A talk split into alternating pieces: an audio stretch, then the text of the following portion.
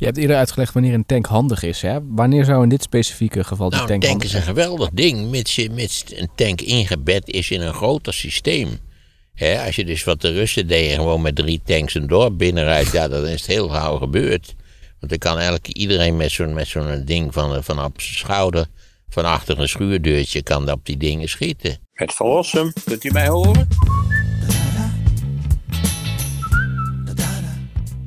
Rusland heeft ook weer een, eh, nou, een klein winstje geboekt, kun je zeggen. Dat zeggen ze, maar dat wordt ontkend door Kiev. Dus dat moeten we eerst eens even afwachten. Aangezien Rusland wel zo'n beetje op het punt van nieuwsvoorziening het meest onbetrouwbare land is wat je kunt voorstellen, zou ik zeggen, laten we even afwachten hoe het daadwerkelijk gelopen is. Of bedoelde je niet dat ze, dat ze daar bij die mijn, wat was het ook weer, een zoutmijn of zo? Ja, nee, dat, dat stukje inderdaad. het was niet heel groot, maar het was wel weer in lange tijd was het weer iets van positief nieuws voor de Russen in ieder geval. Ik begreep dat strategische betekenis twijfelachtig was. Maar goed, Kiev ontkent het, dus laten we het even Ah, afwachten. dit is natuurlijk een informatieoorlog. Ehm, maar wat, wat ja, de, de laatste ontwikkelingen die jij uit die oorlog eh, leest. Nou ja, wacht nu, ik ben nu even, waarschijnlijk door de jacht ben ik even een verkeerde keel had geschoten. ja. Eh, De discussie gaat nu over die tanks. Moeten we ze tip-top tanks leveren? Want we hadden dan wel wat van die panzerwagens gekregen. Bradley eh, en, dat soort van toestanden. en die AMX. Maar ze willen tanks hebben. Ze willen, eigenlijk willen ze Leopard 2's hebben. Dat is wat ik. De Engelsen hadden ook geloof ik wel hun, hun. Maar ze waren met name geïnteresseerd in die Leopard 2. En, en ja, nu moet dus Duitsland, dat, dat hangt dan eens van Scholz af. Duitsland moet, dus ik dacht ook, denk dat het aftreden van die Duitse minister van Defensie daar wellicht ook aan gerelateerd was. Dat die daar toch uiteindelijk niet gelukkig mee is. En, maar Duitsland bouwt ze. Ja, de Duitsers hebben brede ervaring met de tankbouw, eh, zeg ik enigszins ironisch. Eh, dus het, ik was mijn indruk dat het er nu wel van gaat komen. En nou ja, men zegt dus dat, dat Rusland werkt aan, aan, zodra de mogelijkheid daar is en de boel eens een beetje herschikt is, dat Rusland werkt aan een, aan een omvangrijk offensief. Wat misschien ook een extra reden is om dan maar die tanks te leveren aan de. Maar ik moet zeggen dat het. Het lijkt mij niet waarschijnlijk dat een, een, een leger. wat zo onbeschrijfelijk slecht georganiseerd was als het Russische kennelijk was, dat dat nu ineens in drie maanden eh, eh, plotseling een, een, buitengewoon effectieve vechteenheid zou kunnen worden. Maar misschien, ja, ze zijn altijd bereid geweest, ook in het verleden, om eindeloze hoeveelheden mensen op te offeren in, in soms zinloze slachtingen. We moeten dat afwachten. Ik, ik, ik acht de Oekraïne wel in staat om eh, in ieder geval een, een eventueel offensief op te vangen. Je hebt eerder uitgelegd wanneer een tank handig is. Hè? Wanneer zou in dit specifieke geval de Nou, tank een tank is een geweldig ding, mits, mits een tank ingebed is in een groter systeem. Hè, als je dus wat de Russen deden, gewoon met drie tanks een dorp binnenrijdt, ja, dan is het heel gauw gebeurd. Want dan kan eigenlijk iedereen met zo'n met zo'n ding van, van op zijn schouder, van achter een schuurdeurtje, kan op die dingen schieten. Dus je hebt ook panzerinfanterie nodig en je hebt luchtsteun nodig. Eh, als de tank, de tank kan niet los opereren. Los is een tank enorm kwetsbaar. En bovendien is een tank enorm kwetsbaar in een stedelijke omgeving. Dat voel je al aan je water natuurlijk dat dat zo zal zijn. Ja. Een tank is iets voor, voor, voor grote open vlaktes. Vandaar dat, eh, dat je in het Midden-Oosten zo fijn, is heerlijk. Dat, niks als woestijn, dan maar lekker raga met die dingen door de woestijn. Maar ook daar denk ik heb je uiteindelijk een heel effectief ondersteunend apparaat nodig. Maar heeft Oekraïne dat? Want luchtsteun hebben ze niet. Nou, misschien dat ze met die drones iets kunnen, dat weet ik niet precies. Eh, eh, ja, je, moet. Dan kun je tegelijkertijd zeggen, de Russen hebben dat ook niet, dus dan kan je tegen elkaar wegstrepen. Maar ik weet niet precies, maar, maar ja, ik kan alleen maar zeggen, eh, ik, wat ik gelezen heb over de Tweede Wereldoorlog, dan is mijn indruk dat eh, die Duitsers dat eh, beter op, eh, op orde hadden, hoe je met tanks moet vechten. De Du- Duitse tanks helemaal geen bijzonder soort van tanks waren. Het waren een groot gedeelte waren betrekkelijk lichte tanks. Ze hadden gebruikte veel Tsjechische tanks die ze door de bezetting van Tsjechoslowakije te pakken hadden gekregen. Alleen het hele systeem en het tempo want dat is natuurlijk ook een zaak van enorm gewicht. Dat je, je moet wel tempo maken. Hè. Je, moet, je moet steeds eigenlijk de tegenstander verrassen. Begrijp ik goed uit jouw verhaal dat alleen Duitsland deze tanks die nu naar Oekraïne gaan kan bouwen? Die Leopard 2 wel. Ja, je kan ze overal bouwen, maar dan zullen de Duitsers wel een medewerking moeten geven. Bij mijn weten worden ze alleen in Duitsland gebouwd. Waar worden ze gebouwd dan? In Duitsland? Op welke plaats? Ik weet niet, eh, wat was het? Mannesman? Eh, hmm. Deutsch? Ik heb geen idee. Een van de, ik neem ook aan dat de productiecapaciteit beperkt is. Dat ze niet ineens plotseling duizenden tanks kunnen, kunnen leveren. Dat denk ik niet. En het wordt allemaal op één plek gebouwd, neem ik aan. Ik denk het wel, ja. Ik, hoe, het, hoe het technische productieapparaat in elkaar zit, weet ik niet. Maar ook, je ziet trouwens sowieso dat door die oorlog in de Oekraïne, dus uh, zelfs de Amerikanen op allerlei punten aanlopen tegen tekorten. Uh, omdat dat die boel dus uitgeput raakt en de productiefaciliteiten beperkt zijn. Om de eenvoudige reden dat niemand had verwacht dat er een dergelijke grootschalige oorlog zou worden gevoerd op korte termijn, op afzienbare termijn. Ja, ja daar, wordt, daar wordt ook nog discussie over gevoerd. Van heeft Amerika zo meteen niet te weinig wapens? Ja, en je hebt natuurlijk ook nog een kans dat de Republikeinen die boel gaan zitten saboteren. Omdat ze vinden dat het zonde van het geld is. Omdat je ook daar ter rechterzijde wel een Poetin-bewonderaars hebt. Dus ja, ja, dat weet je niet. Kijk, we moeten steeds rekening houden met het feit dat de Amerikanen natuurlijk ver weg de grootste hulpverleners zijn geweest in de Oekraïne. Wat ons nog eens met de neus erop gedrukt, eh, hoe moet je dat zeggen? Het is in de geschiedenis nog altijd zo geweest dat zij uh, de, de grote nou, helper niet altijd. Dat is sinds 45 zo, maar niet altijd. Maar hoe zat het daarvoor dan? Eh, toen waren de grote Europese mogendheden die deelden de lakens uit. De grote koloniale rijken en Nederland natuurlijk. Hmm. Hadden we dat gedeeltelijk teruggekregen van Engeland na de Napoleontische tijd. Maar ook Nederland, zo was het. Dat Amerika natuurlijk prominent aanwezig op het wereldtoneel. Ja, in de Eerste Wereldoorlog in de slotfase. Eh, en daarna hadden ze ongelooflijke spijt en zeiden we willen niks met de klote Europa te maken hebben. Dat is isolationisme. Ze hadden financieel-economisch wel iets met Europa te maken, maar ze wilden niet betrokken raken in Europese conflicten. En tenslotte zijn ze natuurlijk toch betrokken geraakt in Europese conflicten. En Hitler heeft het zo ook niet moeilijk gemaakt omdat Hitler natuurlijk, die was dolblij met de Japanse aanval op Pearl Harbor. Die dacht van, dan ga ik toch winnen. want de Japanners die zorgen nu ervoor dat de Amerikanen voorlopig niet naar Europa komen. Dus ik doe, uh, dat is leuk voor de Japanners, ik verklaar vast ook aan Amerika de oorlog.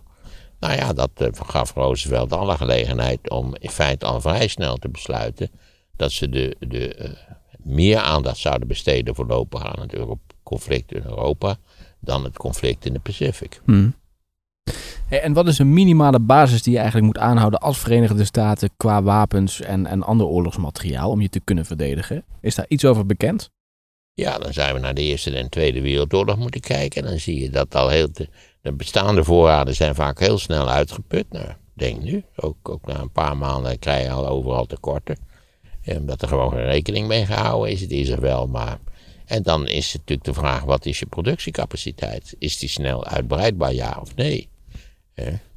Nou, dat zal, ik denk, als, als het om complexe toestellen gaan, een Leopard tank, een auto, weet ik veel, eh, complexe technologie, dan kun je niet eh, met de vingers knippen en, de, en je productiecapaciteit binnen twee weken verdubbelen. Dat zal niet kunnen. Nee, dat snap ik. Maar bijvoorbeeld de, de grootte van het land speelt ook een rol. Maar hoeveel tanks moeten de Verenigde Staten hebben? En hoeveel um, gevechtsvliegtuigen moeten ze hebben? Nou, dat is natuurlijk, daar wordt altijd ruzie over gemaakt. Je hebt natuurlijk mensen die zeggen, ja, gevechtsvliegtuigen met een piloot erin. Ik bedoel, is dat nog wel, uh, zijn we dan nog wel bij de tijd? Ja, ik heb gisteren net tegen naar Maverick 2 gekeken. Dus nou ja, daar wordt duidelijk gemaakt niet, hoe ongekend belangrijk toestellen met piloten zijn. Terwijl je de hele operatie ook, als je het zo bekijkt, dacht ik bij mezelf ook met drones zou kunnen uitvoeren. Maar goed. Het gaat hier natuurlijk om jeugdig heldendom. Al moet ik zeggen dat die Tom Cruise er op zijn zestigste wel frappant goed uitziet. Dat, dat dan weer wel. Um, dat weet niemand. Dat, dat is afhankelijk van, van politieke besluitvorming. Ja, we hebben nu geloof ik zoveel F van die F-35's dat we er eh, maar, maar drie permanent operationeel kunnen houden. Zoiets zal het zijn. Dan wordt misschien die meneer weer boos die daarover gereageerd heeft. Die ook in het leger heeft maar ik geloof dat ik eh, wel blij ben dat we niet die 100 F-35's die we oorspronkelijk op het oog hadden, dat we die niet gekregen hebben. Eh, dus ja, dat, dat is een. Feit is dat in allerlei opzichten een politiek besluit. En dan, als er dan een oorlog komt, dat zie je in de Eerste Wereldoorlog en dat zie je in de Tweede Wereldoorlog, ja, dan moet. Nou, nou, de, ko- de korten zijn dan komen al vrij snel. En dan moet je dus zorgen dat je productiecapaciteit dat je, dat die vergroot wordt. Nou ja, in de Tweede Wereldoorlog is natuurlijk, waren de Verenigde Staten in staat om, je kunt het toch niet anders noemen dan binnen twee jaar een regelrecht productiewonder te veroorzaken. Waarbij, ze, waarbij ze grote bommenwerpers aan de lopende band bouwden. Heeft ze ook wel enige moeite gekost om dat op orde te krijgen, maar dat is natuurlijk toch een. een die, die B-24 Liberator, dat ze in feite elke uur zo'n ding afleverden, dat is toch wel vrij indrukwekkend, ja. In hoeverre maakt dit nou de Verenigde Staten kwetsbaar? Dat ze dus heel veel materiaal naar eh, Oekraïne hebben gebracht? Niet door wie. Ik bedoel, wie zou Amerika aan moeten vallen? Ik neem aan dat ze. de- ja, we kunnen het over Taiwan gaan hebben, maar.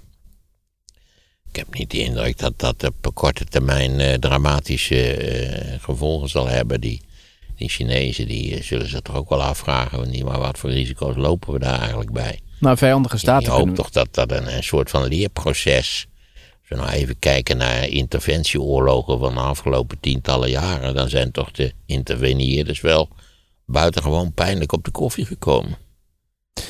Ja, je kunt het nog Behalve beargumenteren. natuurlijk eh, de, de Golfoorlog 1, Ja. waar Amerika zich natuurlijk ook totaal anders heeft en veel verstandiger heeft opgesteld dan in Golfoorlog 2. ja. Je denkt niet dat vijandige staten nu eh, de kans schoon zien om eh, de Verenigde Staten te Nee, dat lijkt mij niet. Nee, nee.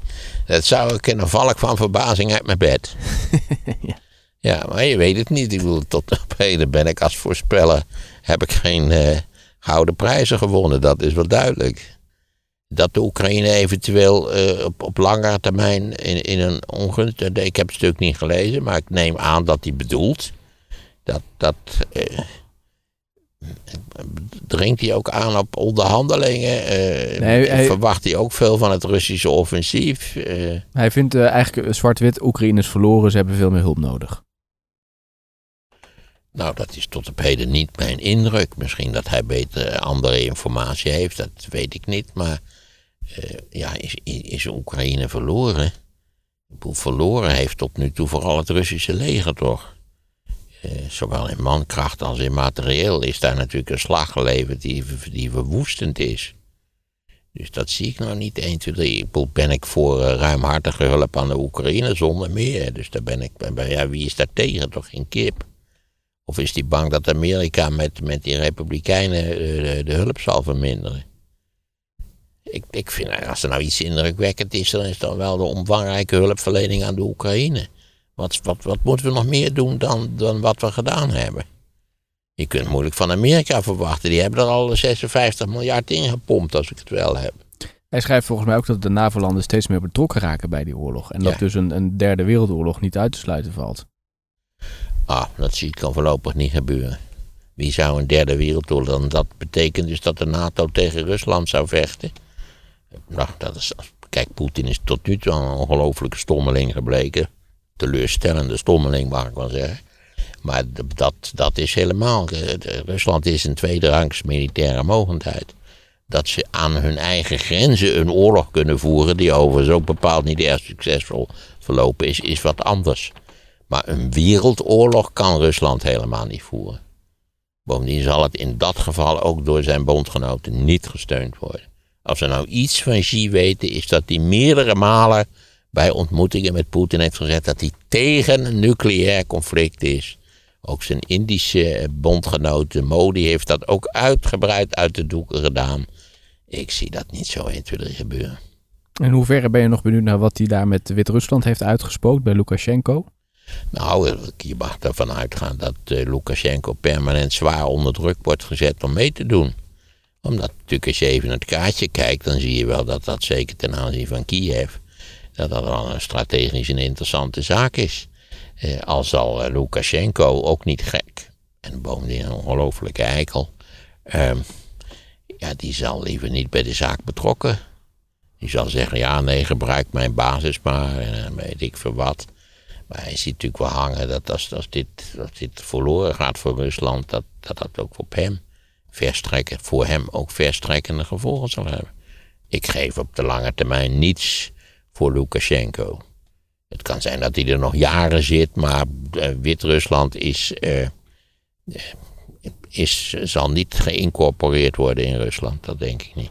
Maar het imago van dat land is sowieso al slecht. Hè? Dus of, of ze nou meedoen aan de oorlog, ja of nee, dat maakt misschien niet meer zo heel veel verschil. Nee, maar ook het imago van Rusland is natuurlijk zo waar. Wie, wie wil er in godsnaam bij Rusland horen? Toch geen kip? Niemand toch? Je ziet toch ook nu in Kazachstan en in, in allerlei die Centraal-Afrikaanse republieken zie je toch ook van, nou ja, Rusland dan maar liever niet. Eh, eh, we hebben er meer last dan gemak van. Eh, nee, dat, ik bedoel, ik, lijkt mij dat op de lange termijn strategisch Rusland wel de grote verliezer moet zijn van deze onderneming. Je leest ondertussen ook best wel veel verhalen van mensen die dan uh, in Azië op vakantie zijn of voor werk daar zijn. En daar heel veel jonge, rijke Russen tegenkomen die allemaal het land uitgevlucht zijn. Ja, dat mag je aannemen. Honderdduizenden zijn er gevlucht. Ja. Dus zowel hoog opgeleid als, als rijk. Want voor de vlucht heb je natuurlijk geld nodig. En met name heb je westers geld nodig, neem ik aan. Dus dat betekent al dat, dat de, de, de, de economische elite ook uh, in feite vertrekt. Er zijn onbevestigde berichten dat Rusland de grenzen op termijn wil gaan sluiten. Ze sluiten maar, zou ik zeggen. Ik, heb, ik was niet van plan om Rusland te bezoeken. Ik heb ooit van mensen gehoord die, ik weet niet, met een bus naar, naar Petersburg waren gereden. En naar de, aan de behandeling aan de grens hadden gehad. Waar hem Verrossum uh, niet aan mee had gedaan. Dat kan ik je zo vertellen. Dat was nog erger dan een uh, avond bij op één. Nou, dat wil ik het aan op één. Nou, niet in de, niet in de schoenen schuiven, eerlijk gezegd. Ja, dat ze mij nou. Uh, nogmaals, het, natuurlijk ook, het is meer verwarring en incompetentie volgens mij dan dat het uh, zeg kwale wil is. Dat, dat geloof ik helemaal niet. Maar wat gebeurde daar aan die grens Het is verwarring in, in de contacten tussen de redactie en het presentatieduo. En het is wel een beetje, dat presentatieduo is, is in zijn geheel wel een beetje sloom. Dus die lullen veel te lang door, met, terwijl er niks nuttigs meer uit die, uit die persoon komt waarmee ze zitten te praten. Wie vind je het beste duo dan? Ik heb daar haak me helemaal niet over uitspreken. Ik vind het hele duo-presentatie vind ik heel, heel matig. Uh, ik weet niet of je kunt zeggen dat, dat ze elkaar.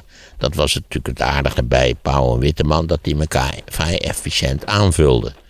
Uh, Pauw is de man van de onverwachte vragen, hè, waar je niet aan gedacht had. Dus ja, je zit daar te praten over de Oekraïne en vraagt Pauw. Uh, bent u ook zo dol op mussen, zou ik nou maar zeggen? Hè? Waardoor altijd een soort levendigheid en beweging kon ontstaan. En Witteman was, wist veel van politiek, was daar werkelijk in geëngageerd ook werkelijk mee geëngageerd. En dat was heel effectief. Charles Groenhuizen krijgt veel complimenten samen met uh, Carrie. Ja, maar ik heb het met, met, met dat duo heb ik nou eigenlijk in de afgelopen tijd helemaal niet. Daar heb ik helemaal niet bij gezeten. Van Omroep Max, daar heb je nooit mee te maken. Je hebt Jort en Welmoed heb je gehad. Ja. En nu Fidan en Sven. Ja, bij Jort was het dus hetzelfde probleem als we nu de afgelopen, afgelopen ja, begin deze week bij, bij uh, wat zij zijn van. WNL. Oh ja, Wakker Nederland. Volgens mij zijn ze beide van WNL. Ja, ze waren niet erg wakker. nee. Jort heeft ook wel eens een kritiek geuit op het programma. Hè? Dat hij zegt, ja, ik zit in een soort van keurslijf. Ik kan daar niet echt mijn eigen ding doen. Want als je Jort... Ja, dat uh, heeft hij tegen mij ook wel eens verteld. Uh, dat dat een, een, probleem was.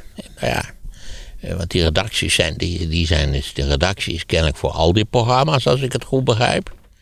Ja, misschien moet je dat eens opschudden dan. Weet ik niet precies. Wat zijn dat voor mensen op die redactie? Zijn dat jonge mensen of is dat gemengd of, of alleen maar oudere mensen? Ik, ik moet treurig genoeg constateren dat voor mij vrijwel alle mensen piepjong zijn.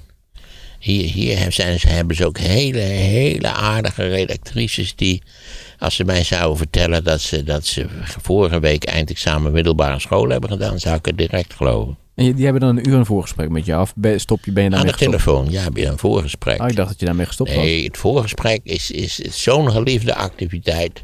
Het voorgesprekken zijn in het algemeen veel leuker dan wat je aan tafel hebt. Maar ik dacht dat jij dat niet meer deed, omdat je dacht... Ja, nou, ik zeg wel altijd beperk het, alsjeblieft. Want als je het allemaal een keer al een keer gezegd hebt, begint het ook in jouw eigen hoofd sleets te worden. Maar zij moeten met jouw verhaal natuurlijk de vragen maken voor de presentatoren. Dat is het, ja. Maar de presentatoren zich dan niet altijd aan houden, volgens mij. Ja, dat maakt jou toch niks uit? Je kunt toch alles vragen? In principe kunnen ze alles vragen, maar het, het, het kan. En ja, dat, dan kom ik terug op mijn slachtofferschap van, wanneer was het eigenlijk, woensdag of zo? Geen idee. Deze ik, week? ik ben het ook alweer vergeten. Eh, ja, als de, als de presentatoren wat scherper waren geweest en, en, en wat efficiënter waren omgegaan met hun gasten, was er niets aan de hand geweest. Maar ja, zij lieten het eigenlijk een beetje verwateren. Jij bent wel de enige die er iets van durft te zeggen hè? in het programma, heb ik het idee. Ja, ik ben, ben niet te beroerd om eh, te zeggen dat ik, het, dat ik het niks vind. Of dat ik vind dat het beter had gekund dan. En eh, ja, dat, is- het heeft weinig zin om dat achteraf te zeggen. Het is veel nuttiger om dat te zeggen terwijl de camera's nog lopen. In de hoop dat het ook een, eh, tot leerrijk, eh, dat het een leermomentje geweest is. Maar mensen vinden het ook wel leuk. Kijkers vinden het wel goed. Ja, er zijn ook mensen die zijn het er ontzettend mee oneens. Maar er zijn ook mensen die het wel leuk vinden dat je daar een beetje dat tegenaan schopt. Ja, nou, dit, dit heeft het. We hebben dat probleem hebben we natuurlijk al heel vaak besproken. Eh, Die, die talkshows die hebben toch iets, iets, iets luis en iets gemakzuchtigs gekregen. Die, die, zijn niet, die zijn niet op hun top. Dat zou een stuk beter kunnen, naar mijn idee. En nou, dan komen we terug naar al die punten. Minder gasten, eh, betere thema's, geen gelul over zangeresjes, geen protofascistische jongeren. Bedoel, het, het kan beter. Raymond Mens had nog een idee. Die zei misschien moet je terug naar het Barend en Van Dorp eh, idee. Namelijk een paar vaste gezichten die er altijd zitten. Lees Henk van Dorp, eh, Frits Barend, Jan Mulder. En dan iedere keer één wisselende gast. Nou, één gast. Mogen er voor mij ook wel twee zijn. Ik bedoel, het is. Eén of twee. Vrede in Oost is niet een uur, het is maar 50 minuten of zo. Eh, nou ja, begin eh, experimenteren eens. Ik vind sowieso het feit dat je dus alle dagen van de week een ander presentatieduo heeft, hebt, lijkt mij niet verstandig over de hele linie. Eh, en ik, het liefst zou ik eigenlijk één presentator hebben die ook echt enorm scherp is. Nog even over die bus die naar Rusland ging. Wat gebeurde er dan aan de grens? Ja, die moesten allemaal hun paspoorten inleveren en die hebben daar uren gestaan. En nou, kregen pas heel laat een paspoort er weer terug. Nou ja, dan ben ik al, al volledig op tilt. Eh, daar in dat stomme Calgary zeg, met die, met die randebiele bezetting van zo'n vliegveld. Die over een afstand van 200 meter driemaal mijn paspoort vroegen. Daar heb ik ook iets van gezegd, maar ja, je weet. Ja, duizend. Je ziet ze denken van hoe kunnen we deze meneer gewoon eens een vliegtuig laten missen. Hè? Je bent niet vastgezet, want dat willen ze ook Nee, ik ben niet vastgezet. Nee, zo erg was het nou ook niet. Maar ook dat is een plek waar, je, waar ze eh, tegenspraak, daar zijn ze niet in geïnteresseerd. Laten we eens even kijken naar eh, wat vragen die zijn eh, ingestuurd door mensen die dus niet anoniem hebben gereageerd. zo. Even kijken hoor. Want de meeste reacties die we krijgen zijn toch niet anoniem? Nee, inderdaad. Ik zeggen, het overgrote deel, althans wat jij mij toestuurt, dat zijn allemaal mensen Dat die, klopt. eh, die echt bestaan, om het maar even zo te zeggen. Er is natuurlijk een klein clubje die anoniem reageert en die trekken dan de aandacht. Even kijken. Hi Maarten, ik zit in Texas in de Verenigde Staten en ik luister met veel plezier naar de podcast. Ik heb me altijd verbaasd over de vrij grote stroming en aanwezigheid van Nederlandse migranten en bedrijven hier in Amerika. Zoals ook hier in Texas het geval is, waar ongeveer een uur van ons vandaan het plaatsje Nederland ligt naast Port Arthur. Eh, daar is onder andere het vrij bekende Oranje Hotel en een complete windmolen te vinden. Aan het begin van de 20e eeuw was er zelfs een Nederlandstalige krant. Wat weet u nog meer over de Nederlandse eh, migranten in Amerika? En eh, met name ook wat zij dagelijks in ieder geval hier doen. Ik ben benieuwd. Nou ja, dat is een heel verhaal. We zijn natuurlijk, er is een bekende religieuze migratie naar Iowa, naar Pella in Iowa. Eh, Je hebt natuurlijk eh, waarschijnlijk ook een, deel van een religieuze migratie. Dat ging over zo'n honderden mensen die met een dominee vertrokken zijn naar Pella, Iowa, waar ze grond hadden gekocht. Je hebt Holland, Michigan, wat deze meneer zo komisch beschrijft in tekst, en heb je ook in Holland, Michigan. Namelijk een hele massa, nou niet een massa, maar windmolens hebben ze, waar ze apen trots op zijn. Die ze overigens gewoon in Nederland hebben aangeschaft, steen voor steen afgebroken, daar weer hebben opgebouwd. Als je er in het voorjaar bent, dan wemelt het van de tulpen, daar zijn ook enorm trots. Ze hebben ook een Holland Theme Park, waar ik eh, op bezoek ben geweest met een cameraploeg en waar wij een, eh, volgens dat theme park, een Hollandse eh klompendansen hebben bekeken. Nou, ik kan je die zijn daar volgens mij allemaal daar zelf verzonnen.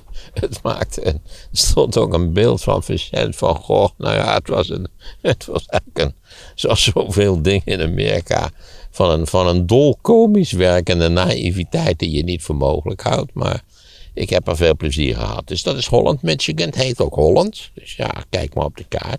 En dan heb je natuurlijk in upstate New York heb je een heel merkwaardig fenomeen.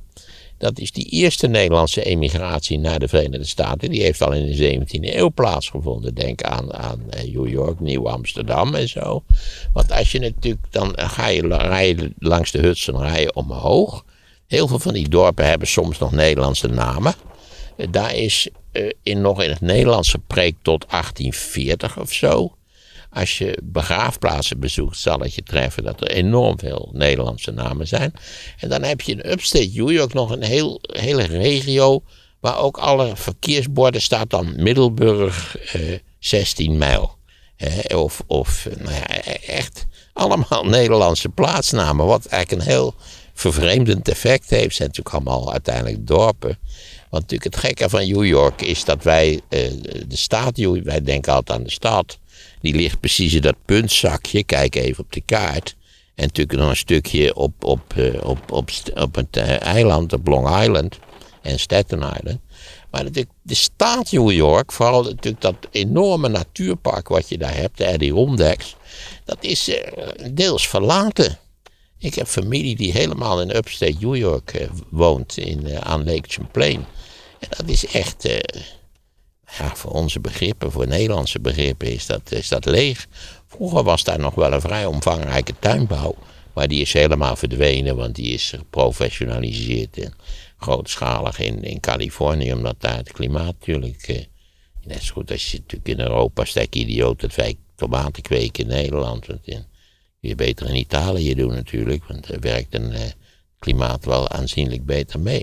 Dus ja, eh, de New York, in New York State heb je dit merkwaardige verschijnsel, ja. Zijn de Amerikanen zich bewust van die geschiedenis? Dus dat er een Nederlandse link is? Ja, zeker. Hans Brinkers, hè, je weet wel, die jongetje met, met zijn vinger in de dijk. Er zat een gaatje in de dijk en heel Nederland dreigde onder te stromen. Door dat gaatje in de dijk. En heeft hij zijn vinger erin gestoken. En, ja, daardoor is het vermijd, vermeden dat heel Nederland onder water gestroomd is.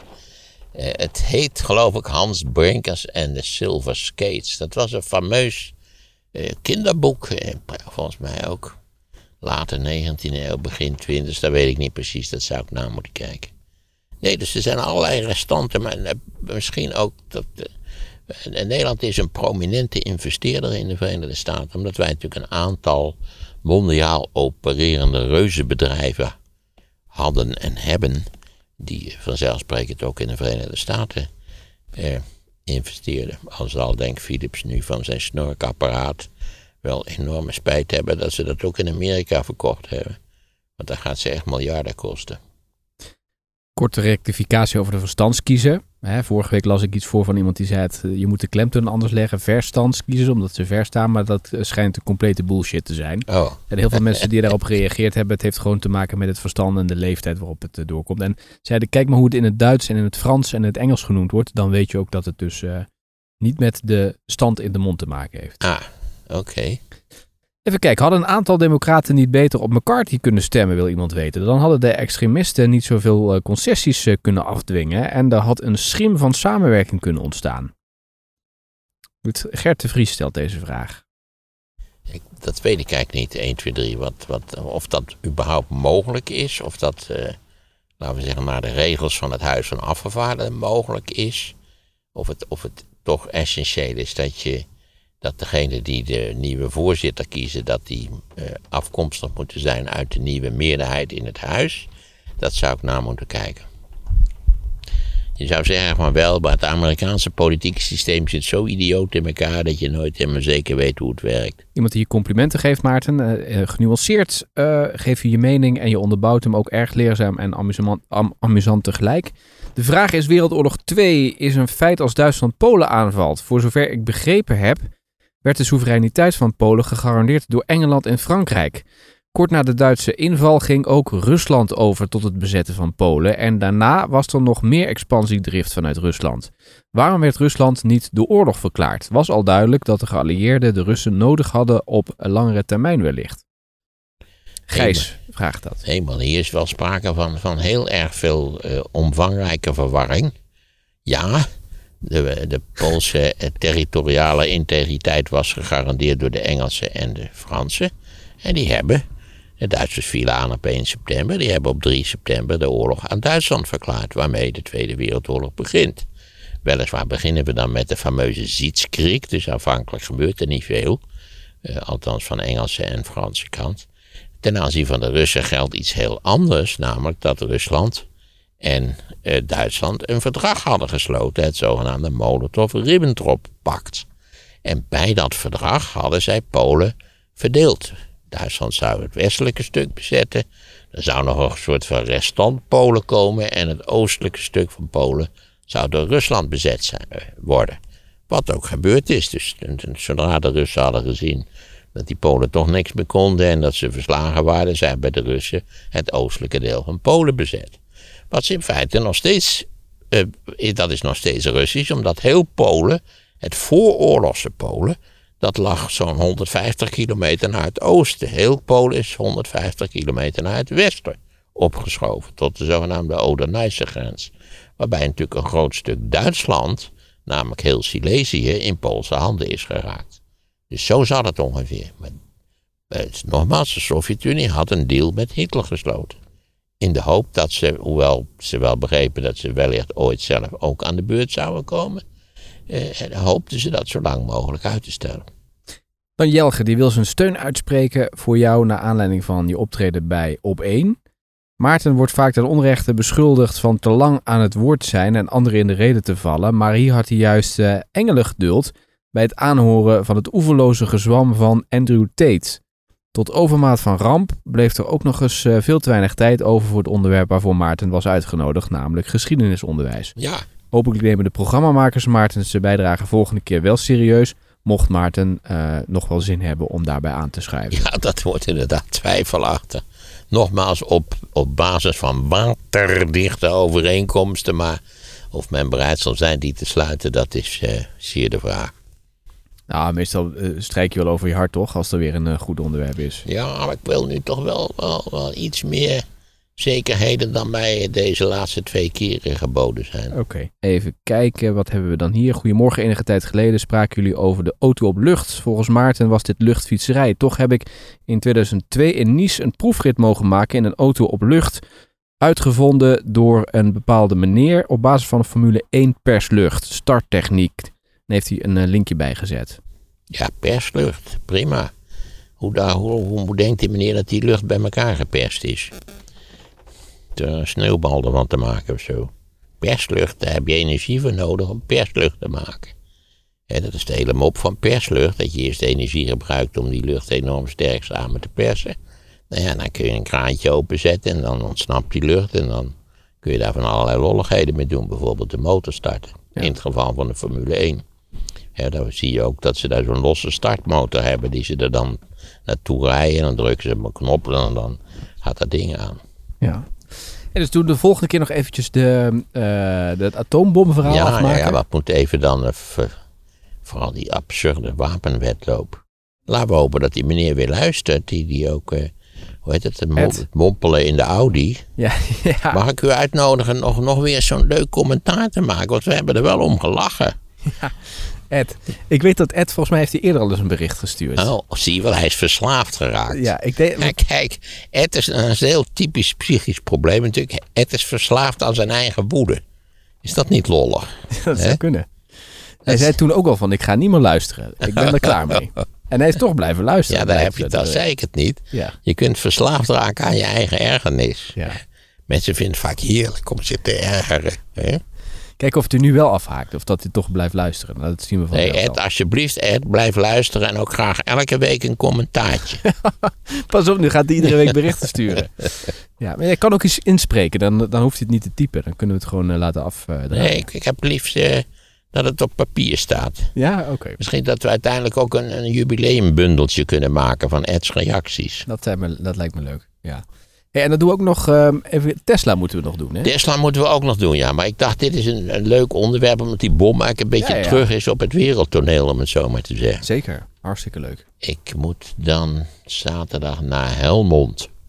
Mijn theater Dat begint weer begint weer. Ja, ja, heel goed. Dus ik ben eh, vrijdag in Diemen. En ik ben zaterdag in Helmond. Maar dat is nogal een rit, Helmond. Ja, dat is bijna, dat is eh, Eindhoven dan naar links. En ik, ja, ja, dat is zo'n... Waar Helmond? Eindhoven, dat naar links. Ja. Lucas Gassel is daar een bekende kunstschilder die niemand kent. Je in de Schouwburg daar? Ik ben daar wel eens Eh. geweest, hè, Helmond. Dat is, eh, de Automotive Campus ligt daar ook, hè? Met Lightyear. Zitten Ik, daar. eh, ik moet even denken wat, hoe het heet. Dat zou ik moeten weten, want ik heb het even opgezocht om te kijken hoe ver het is en zo. Hoe laat je aanwezig moet zijn en hoeveel kaartjes ze verkocht hebben en zo. Meestal kun je dat wel zien op de website. Ehm, en, ik- nee, ik weet niet meer hoe het theater heet. De meeste steden hebben vaak ook wel twee theaters, maar Nederland heeft volgens mij een unieke theaterrijkdom. Echt ongelooflijk. Nou, ik mail je wel eventjes. Kijk wel even of het past. Ik zal even Ja, kijken hoe maar laat dat ik... moet eh, precies. Want vooral omdat jij dan dus wat later bent. Eh, Oké, ik moet er even, ik moet even naar kijken. Ed, alsjeblieft, Ed, blijf luisteren en ook graag elke week een commentaartje. Kijk, de Volkskrant is een kutkrant. Er staat een nieuw luisterboek voor je klaar. Amerika na de Koude Oorlog. En net is Margaret Thatcher bij, bij eh, Bush op bezoek en kennelijk hebben ze het erover gehad. En dan zegt Margaret Thatcher in het openbaar: Don't go wobbly on me, George. De live podcast luister je nu terug als luisterboek via het linkje in de beschrijving. Ik ben nu 79. Denkt u dat ik, dat ik het vertrek van Rutte nog ga meemaken? De veelbelovende techbeurs CES in de Verenigde Staten, die zit erop. Nederlandse ondernemers zitten weer in het vliegtuig onderweg naar huis. En ik ben benieuwd hoe zij terugkijken op die beurs. Dat en meer hoor je in de podcast Sea Level via de link in de show notes.